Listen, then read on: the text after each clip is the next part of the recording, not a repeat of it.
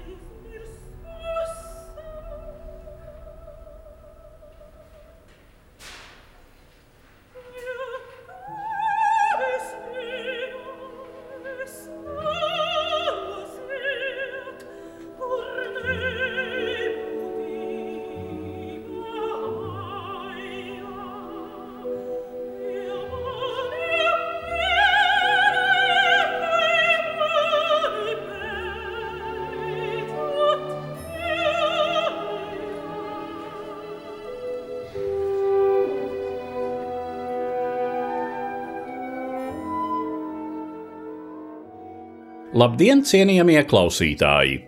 Skan ārija ir mana Atlantīda nogrimusi. No Artura Maskata operas Valentīna titullomas atveidotājas solistes Ingas Kalnas sniegumā. Dzēnieces Liānas Langas veidotā operas libreta pamatā ir kino un teātras zinātnieces, holokaustā izdzīvojušās Latvijas ebrejietes Valentīnas Freimanes liktenis, kas cita starpā atspoguļots viņas autobiogrāfiskajā darbā ar dievu Atlantīda. 16. februārī atzīmējām simto gadsimtu kopš Valentīnas Freimanas dzimšanas, un šajā sakarā piedāvāju jūsu uzmanībai pirms desmit gadiem tapušu un līdz šim nepubliskotu sarunu ar šo 20. gadsimta otrās puses Latvijas kultūrā leģendāro personību. Šodien izskan trešā daļa no mūsu sarunas, kuras iepriekšējās daļas varējāt klausīties raidījumā šīs dienas acīm 20. Februārī un 6. martā.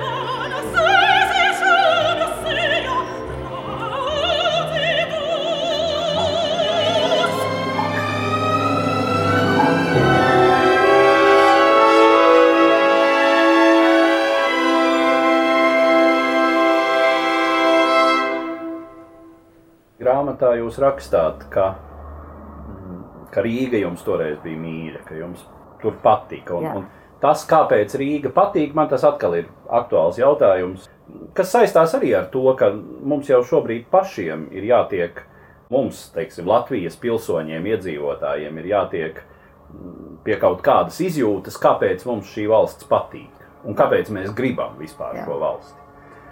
Īpaši ar Rīgu ir grūts jautājums, tāpēc ka sirds dziļumos man tāda sajūta, ka ārkārtīgi liels zaudējums Rīgai bijis tas, kā aizbrauca vācieši. Un tā, tā Rīgas īpatnība, ja, ka tajā satikās trīs kultūras, jo runa jau nav par politiskām sistēmām, jā, vai par to, kas valda vai ne. Un tā nu, dabīgi Latvija ir Latvija vai ne, un Rīga ir Latvijas galvaspilsēta, Latviešu pilsēta savos pamatos. Bet pilsētas karīgais portrets bija tomēr ar trīs krāsām. Un šī triju valodu, triju kultūru satikšanās Rīgas garīgajā dzīvē bija tik ļoti vērtīga. Kaut gan no otras puses jau raksta par to, ka tautības dzīvoja diezgan nošķirti. Bet tikšanās bija augstākā garīgā līmenī, bija šī tikšanās. Viņa sadzīvē nebija. Ģimeņu, teiksim, mājās, viesībās bija parasti vienas tautības cilvēki. Bet garīgajā dzīvē jūs nevarat cilvēks norobežot, vai ne? Tāpat kā mēs no, no citu tautu kultūrām nenorobežojamies un negribam. Nu, muzikas dzīvē vai ne, nu, kāda tur nozīme tautībai kaut kādai vai valodai. Jeb arī teātri vai nekas publikā sēdē visu triju tautību cilvēki teātros. Vai un cik lielā mērā veidojās toreiz kaut kāda nu, kam nebija lemts izveidoties uh, šī Latvijas pilsoniskā uh, sabiedrība. Man bija tāda sajūta, ka tajā laikā mēs jau daudz arī mājās domājām un runājām par šo jautājumu. Kā līdz Ulmanim, jā, bija pilnīgi skaidrs, ka uz tuvināšanos un uz to, ko sauc par civīlu sabiedrību, ka Latvija iet ar grūtībām, jo nebija demokratiskas pieredzes, un parlamentā saimā jau notika daudz muļķības, un strīdi, un prastības, kautiņi un viss kaut kas. Un šodien tie, kas Ulmani atbalsta, vai ne, un kas saka, ka tomēr bija pareizi, ka Ulmans ar puča palīdzību sagrābas uh, valdību, tāpēc, ka tur nekādas kārtības nebija saimā un nevarēja vienoties un tā tālāk nu, nebija tik īsā posmā, vai ne, nebija nekāda pieredze vēl iegūta. Un tomēr daudz kas bija panākts. Un galvenais, ka izglītības un kultūras līmenis bija ļoti augsts. Un to es varu tiešām apgalvot kā, kā pusaudzis, kam bija pietiekami pietiekam daudz jau zināšanas un, kultūras pieredzes, lai to manītu. Ka uz tuvināšanos nu, tas šī maņa ideāls vai ne? Tuvināšanās un vienotība nezaudējot īpatnības, ka tā ir tā bagātība, kas varētu būt un ko viņš sapņoja, vai ne, ka Latvija varētu būt modelis vispār paraugs šajā ziņā. Es domāju, ka tā nebija tāda utopija, nu, sasniegt, nezinu, kā to sasniegt, bet ceļā uz to daudz kas būtu iegūts. Un jau, jau to var emanīt. Tas vien, ka nu, katrs daudz maz izglītots vidusskolu beidzis cilvēks varēja runāt trijās valodās, pie kam tas nebija nekas uzspiests. Tas jau vien paver durvis uz kultūrām. Kāda bija attieksme pret latviešu kultūru tajā brīdī? Nu, varēja pieņemt, ka tomēr krievu, vācu, Jā. daudz plašākas, ļoti, spēcīgākas. Ļoti, es esmu piedzīvojis ļoti dažādu. Es pati ļoti liberāla sabiedrībā augu, kā jūs zināt, un tādā, teiksim, vidē vai nekur apzinīgi noraidīja jebkādu tur pārākumu jušanu pret citu. Tuvības nebija ar latviešu kultūru, tuvības. Tāda tuvība, teiksim, tradicionāli bija tēva ģimene ar vācu kultūru un mātes ģimene ar krievu kultūru. Tajā ziņā jau ebreju vēsturiskais liktenis atšķiras no citām tautām. Protams, ilgi dzīvojot noteiktas kultūras vērtību vidē, rodas ne tikai zināšanas, bet arī mīlestība pret to. Tā kā tā tuvība bija mātes ģimenē ar krievu kultūru, ar to lielo krievu kultūru vai nekas 19. gadsimta un 20. gadsimta sākumā tiešām apaugļoja Eiropas kultūru. Un no tēva puses atkal nāca šī ļoti dziļa saites ar, ar pats kultūru. Bet īstas tuvības ar latviešiem nebija, bet bija ziņkārība. Bija ziņkārība, kas pirmām kārtām izpaudās grāmatu lasīšanā Tāpēc, ka valoda nebija nekāds kavēklis. Valodu zināja taču visi. Es nezinu nevienu ģimeni, kur nebūtu zināma latviešu valoda. Tas ir vispār neiedomājami. Pie kam tas arī jau vāciešos bija. Jau vācieši arī zināja latviešu valodu. Un tas bija izmaiņas, ja vēl 19. gadsimta varēja viņi nezināt. Bet zināja latviešu valodu. Bet bija arī, protams, pārākuma izjūta attiecībā pret latviešiem. Un interesanti, ka latviešu kultūra kādi bija argumenti, jā, jā, tā.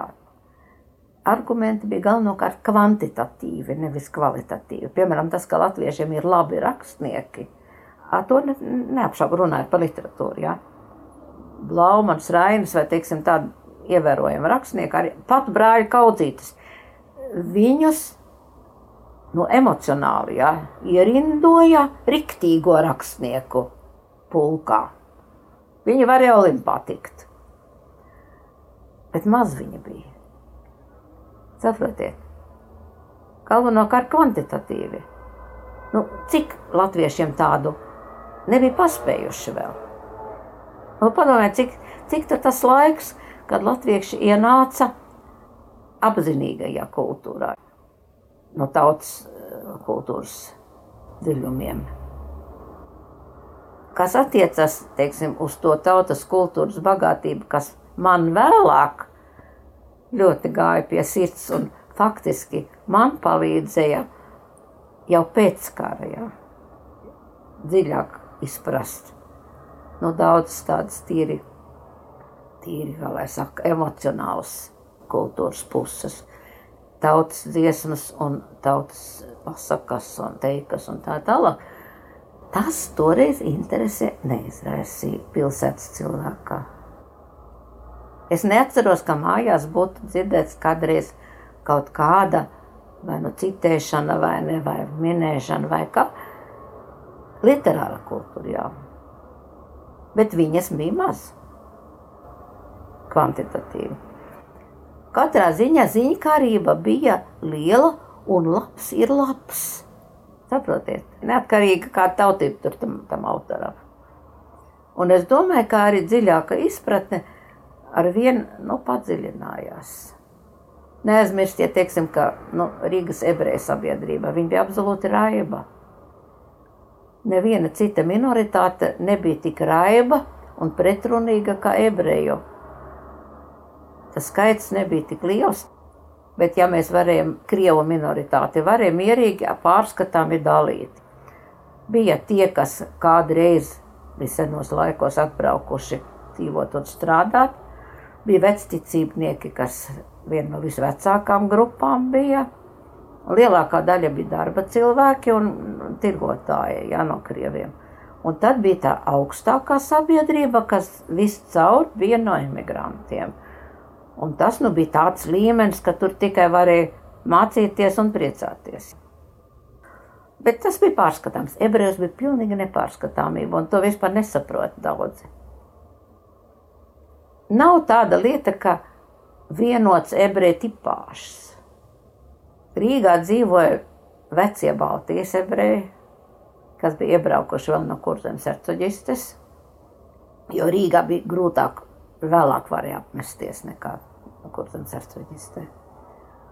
Un tie bija lielākoties ar laicīgo kultūru, vācu kultūru, jo ebrejiem sava kultūra bija tikai garīgā, laicīgā nebija, jo tie cilvēki nerunāja idišu valodā. Tad Rīgā, kad Rīga sāka attīstīties par lielu industriālu centru 19. gadsimta beigās, sāka braukt ar vien vairāk iekšā zemākie ebreji, proletāriskie un mastirgotāji tādi slāņi. Tie galvenokārt brauca no Latgales puses iekšā. Arī no Lietuvas brauca viena daļa, jo Latvija bija attīstītāka valsts un interesē vairāk. Tā bija tā populācija, kas runāja idiša valodā un rakstīja idiša valodā. Mēs sapratām to valodu, bet nerunājām. Ne, tā nebija komunikācijas valoda. Tad bija ebreji liela grupa, kas būtībā bija krievi, kas bija balti emigranti. Tā bija smalka inteliģence lielākoties. Bija ortodoksie ebreji, kas bija absolūti nebaudāmi. Mums, bija, mums bija nebaudāmi. Ortodokse, kas gribēja vēl ģērbties senlaicīgos stērpos un tā tālāk. Bija tā saucamie reformas ebreji kuri gribēja tradīcijām sekot, bet ticību līdz ortodoksam nu, neaiziet tik tālu. Saimā bija deputātu grupa, nu, pilnīgi nevienota. Ulmanis visvairāk draudzējās ar tādu dubinu, kas bija ortodoksu ebreju pārstāvis. Jo ar tiem bija visvieglāk, viņi bija saprotami. Nu, viņi atbilda, teiksim, tam ebreju tēlam, kas ienāca literatūrā, caur laukiem, un laukos bija tie latgals ebreji, kas izplatījās. Nu, piemēram, Blaumanim, jā, vidzemē. Tas ebreju tips, vai ne, tas latvietiem ir zināms. Kurš pa miķeļiem pazūd, Jā, jo jāsvin jā, svētki. jā. Ar kuru principā bija labas attiecības, jo viņš bija derīgs uz laukiem un vajadzīgs. Nu, varēja pasmieties par to, ka viņš to lat latviešu valodu kropļo, Bet tā tiem nebija ļauna smiekli. Nu, tāpat pasmējās. Tie ebreji par latviešiem atkal pasmējās, ka tiem par muļķībām tur visādām notiek. Bet principā sadzīvoja labi. Pamēģināt cūku iebarot kādā brīdī un pēc jā, tam pateikt. Jā, nu visādas jokus dzīt vai ne. Abram uzspridzināt. nu, jā, jā. Bet principā ikdienišķās lietās saprata viens otru vai ne. Es domāju, ka Blomans absolūti ģeniāli ir šo draudzīgas sadzīves līmeni tajā laikā ir nofiksējis.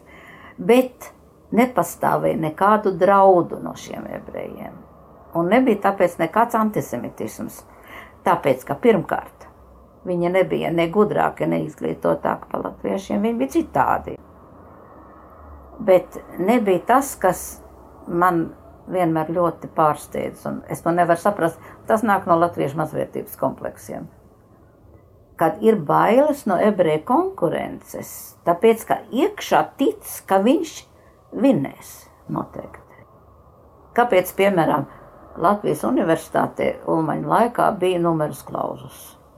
Tas nebija oficiāli, nebija likums, bet eksāmena komisijas zināja, ka cik tur procentus drīkst ebrejs uzņemt, vairāk ne. Un, ka, ja es vaicāju par to, man nebija nekāda draudēs zināju, ka es noteikti tikšu, tāpēc ka tas piedaudzības akmens parasti bija latviešu valodā. Bet es vairs saku, nu, kāpēc mums vajadzīgs tas numurs klauzus? Un daudz ebreju brauc uz ārzemēm studēt, tāpēc, ka, kas būtu mājās varējuši studēt. Nu, jā, nu, ja nu atvērs visas vārtus, tad, tad visas vietas aizņems ebreji. Tā kā normālā konkursā baidījās, ka tas ebrejs vinnēs. Idiotisms pilnīgs. Bet bija bailes, tāpēc, ka tu par sevi būtībā domā, ka tu esi tomēr laikam. Viņi tādi ko viltīgi, gudri. Jā. Ja? Viltīgāki par mums. Jā, nē, bet arī gudrāki. Jā. Diemžēl tas sen vairs tā nav. Tad laiks ir pāri, ka tāds slānis bija, kas bija tiešām izglītots un gudrs. Bet tā sadzīvošana vai kā tāda bija ļoti miermīlīga. Nu, bija tie pērkona krustieši, bet viņi bija tāpat ārpus likuma. Bija aizspriedumi ģimenēs, bet man jāsaka, ebrejos bija tāpat aizspriedumi. Un pie kam tik stingri aizspriedumi vai nekā. Es ar to saskāros vienīgi privātā dzīvē, tur mīlestības jautājumos, jo tas bija tas laiks, kad jau jauktās laulības sāka vairoties. Blaumans aprakstīja Nu, nevienam nevarēja vēl ienākt prātā tajā laikā jauktas laulības. Mēs ar Valtu, ja, tad, kad es ar Valtu precējos, mēs spēlējām tādu spēli mājās, ka mums bija savs teātris, un mēs tam teātrim rakstījām savus lugas un uzvedām savus uzvedus. ļoti amizanti, ļoti mēs amizējāmies. Un tāpat arī skroderdienas mēs protams, bijām pārfantazējuši. Mēs kā pāris, vai ne? Tas ir rodadienas nākotnes, ka zāra aprece. Ka zāra apreces ar, ar rūdi vai? I, nē, zāra, kas, kas, ar ko? Kurām bija ar Joski diskusija, kā tu zini, kā, jā, kā jā, nu, vārds bučojas? vārds sakot, Joska aprece Elīnu. Ah, Joska aprece Elīnu? Jā. Ah, nu. Joska aprece Elīnu un zāra arī, tā sakot, noskatās kaut ko tik tālu viņi vēl nebija. Bet nu, mums jau tas uh, līmenis tāds ir. Tad ebreju ģimenēs pretestība bija dažkārt lielāka nekā latviešu ģimenē. Es esmu vispār tā ievērojusi tajos laikos, kad es pilnīgi tikai latviešu vidē. Es nevienu ebreju nepazinu, un nebija jau nevienā vairs. Ka ar latviešiem ir jābūt pacietīgam. Ja tu domā pati par sevi, ka tu esi daudz maz patīkams un ciešams cilvēks, tad esi mierīgs. Pieradīs pie tevis, un viss būs labi. Sākumā baidīsies, vairīsies. Ja? Vēls viņa zina, kas viņai tur ir zādes. Nu, tomēr nav mūsējā, nu tā. Neuztraucies. Un kā jau nomierināsies, aizmirsīs. Un tā tas arī ir. Es atceros, ka es ar valdu sāku satikties, mēs ilgāku laiku mēs neprecējāmies, jo valsts bija precējies ar Īzu Bīni, viņam otrā oficiālā laulība bija ar Īzu Bīni, bet viņi bija sen jau draudzīgi pašķīrušies, bet mēs Īzai bijām apsolījuši, ka nešķirsies viņš, jo viņai bija dzīvokļa problēmas, viņa bija no vecā Bīnes tur lielu platību matojusi, viņa dzīvoja vienā dzīvoklī, kā turis bija. Un vecajam bīnam vai nekā māksliniekam bija papildus platība, un viņš bija nomiris, un tā īza dzīvoja lielā dzīvoklī Rīgā. Bet nu, darba viņai nebija, viņa jau tāda sevišķa spilgta aktrise nebija, nu, bet viņa dzīvoja Rīgā tajā dzīvoklī, un kamēr viņa neizkārtos, un valsts bija tur pierakstīts, kamēr viņa neizkārtos tur visas lietas, ka mēs Un tad mēs viņai palīdzējām nokļūt tajā Liepājas teātrī, un tad viņa pārcēlās uz Liepāju, un tur apprecējās arī Liepājā. Un tad varēja šķirties, jo viņa arī gribēja precēties, dzīvoklis jau bija eh, samaitnieks.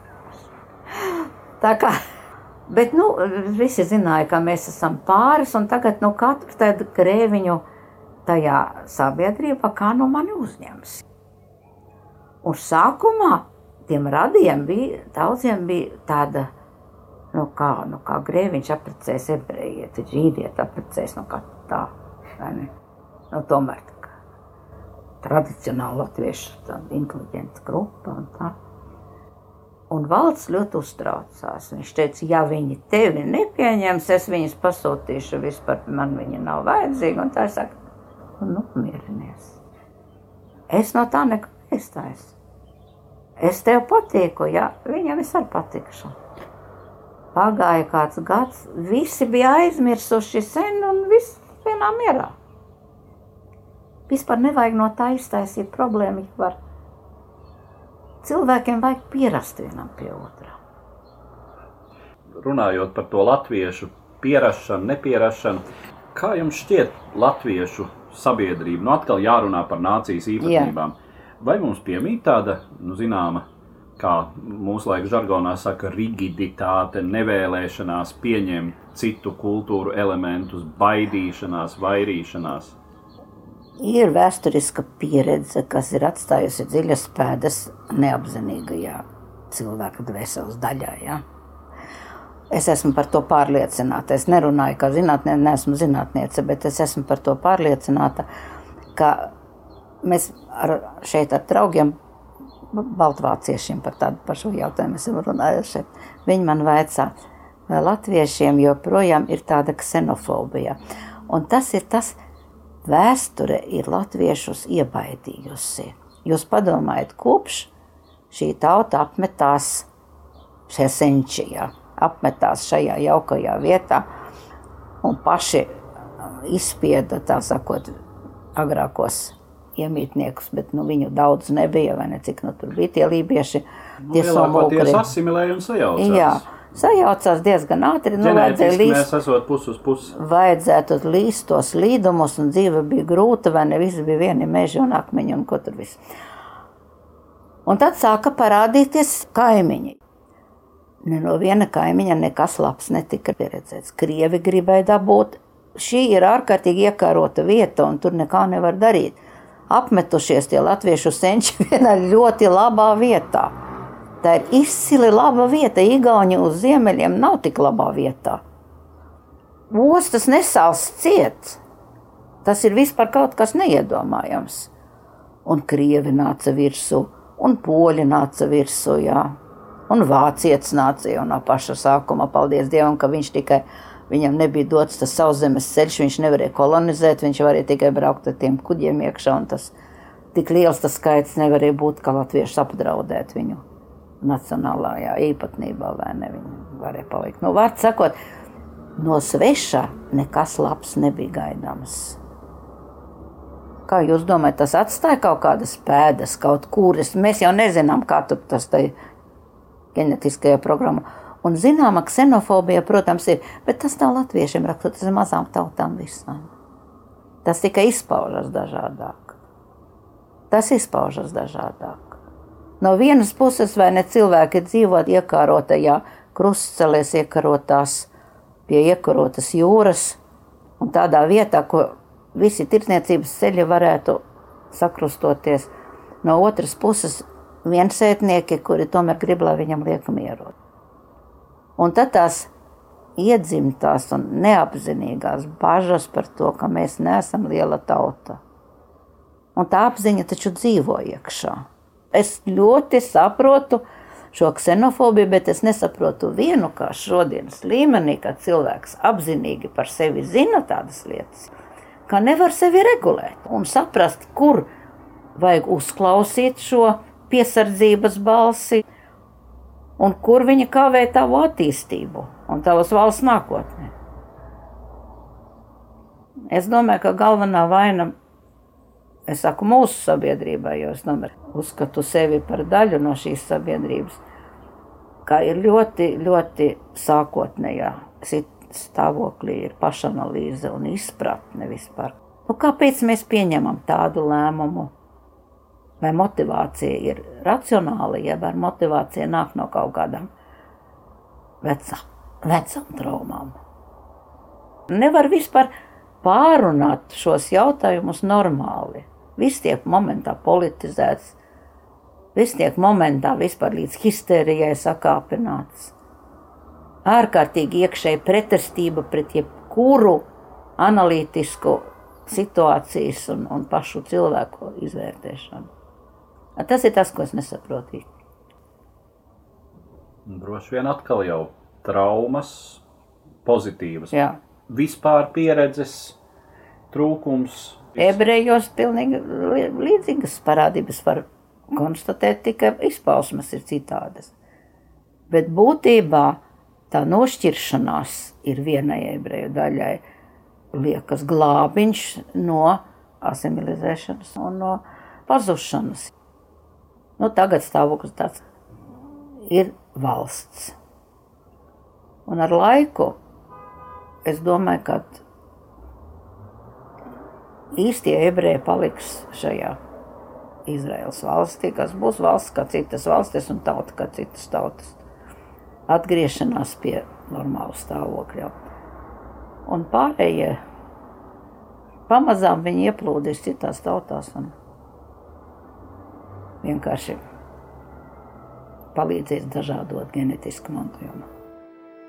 Līdz ar to izskan mana 2012. gadā ierakstītā saruna ar kino un teātra zinātnieci Valentīnu Freimani. 16. februārī atzīmējām simto gadsimtu kopš viņas dzimšanas. Raidījumā skan ārija no Artura Maskata operas Valentīna, kuras pamatā ir Valentīnas Freimanes biogrāfija Soliste Inga Kalna.